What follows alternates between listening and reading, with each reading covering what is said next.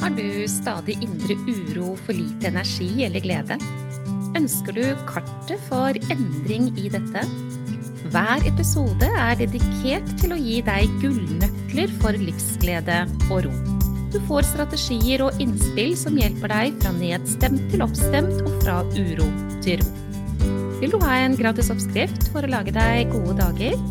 Gå til www.gayabalanse.no for din herlige morgenrutine.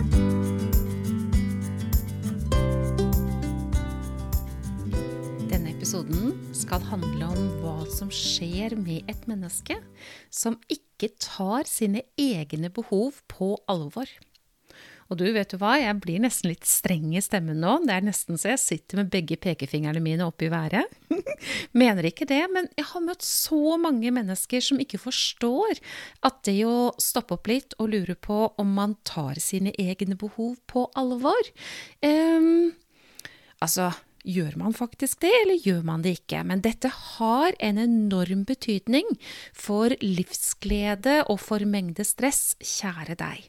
Så bli med meg gjennom denne episoden, fordi det er en nødvendighet at du blir bevisst på hvilke behov du har, og på hva det er du egentlig trenger. Dette er av enorm betydning for din helse. Og grunnen til at det er av enorm betydning for din helse, det er at det er temmelig avgjørende for mengde stress. Og som du vet, det er jeg sikker på du vet, så er for mye negativt stress, ja, det er nedbrytende for mennesket, og det blir vi faktisk eh, syke av. Vi får symptomer på uhelse dersom ikke vi tar faktorer som påvirker til uhelse, på alvor. Dette med å kjøre over sine egne behov, det er en sånn faktor, og vi kan på mange måter kalle det for en stressord, men det er ikke alltid at vi er så veldig klar over dette.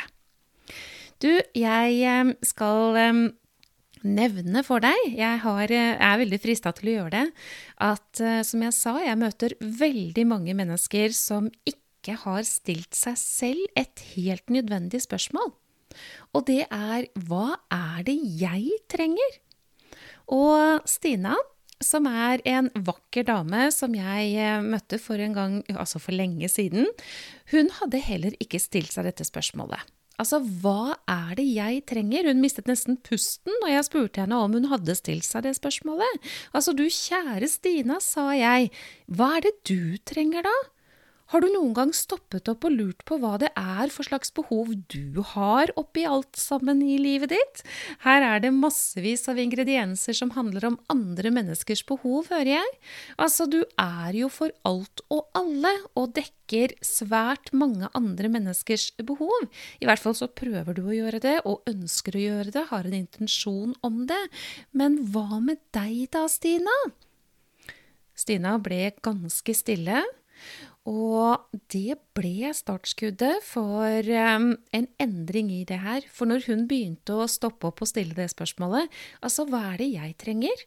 Og videre tok ansvar for å legge til rette for at hun fikk dekket sine behov, ja, da gikk startskuddet for en viktig endring i hennes liv som hadde med hennes helse å gjøre.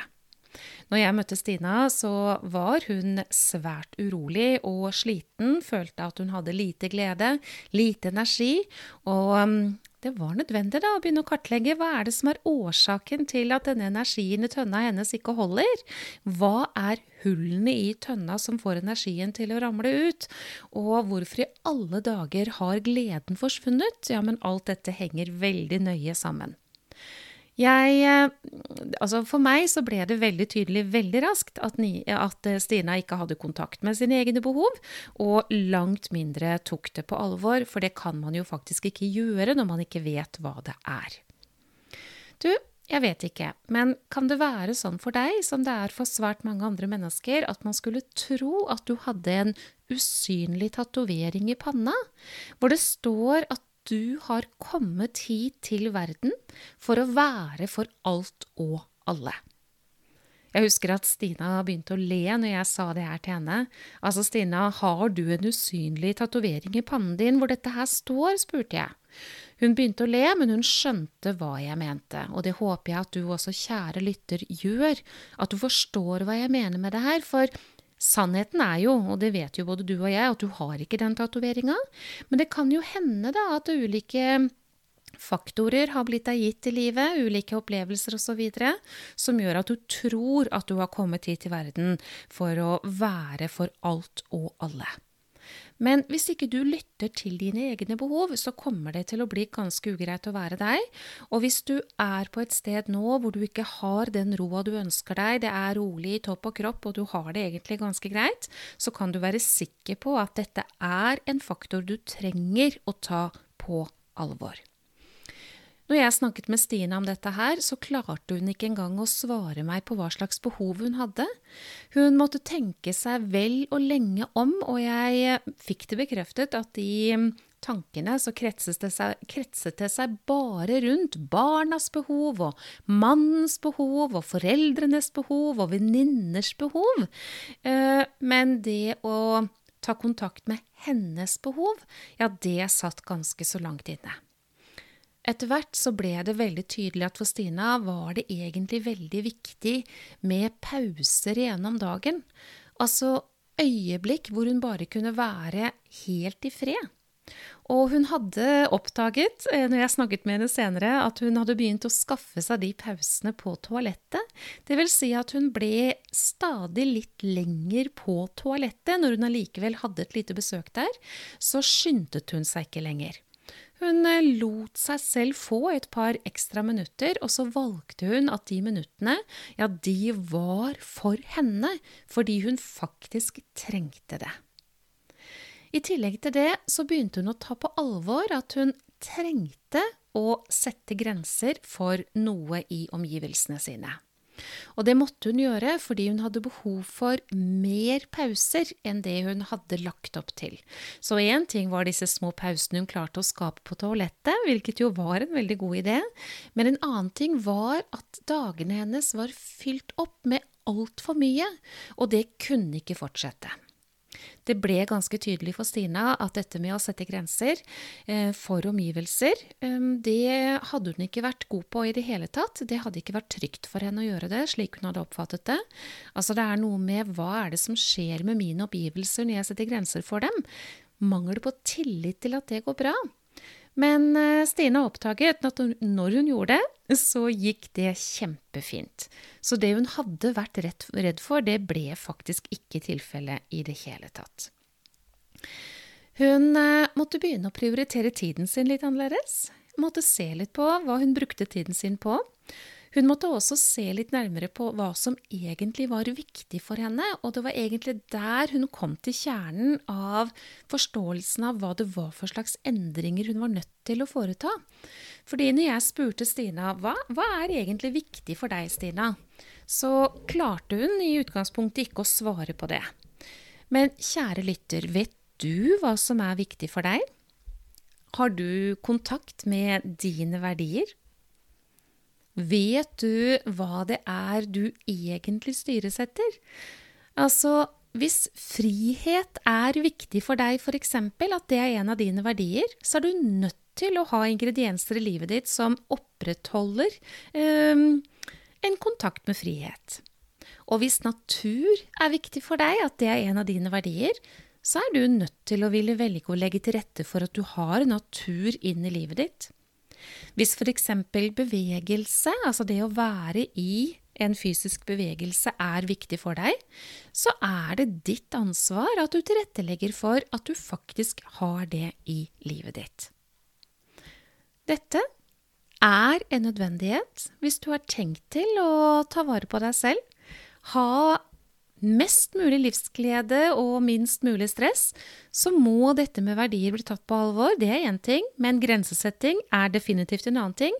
Og så må denne tatoveringa, den usynlige sådan, da, hvor det står at du har kommet hit til verden for å være for alt og alle, ja, den må bli borte.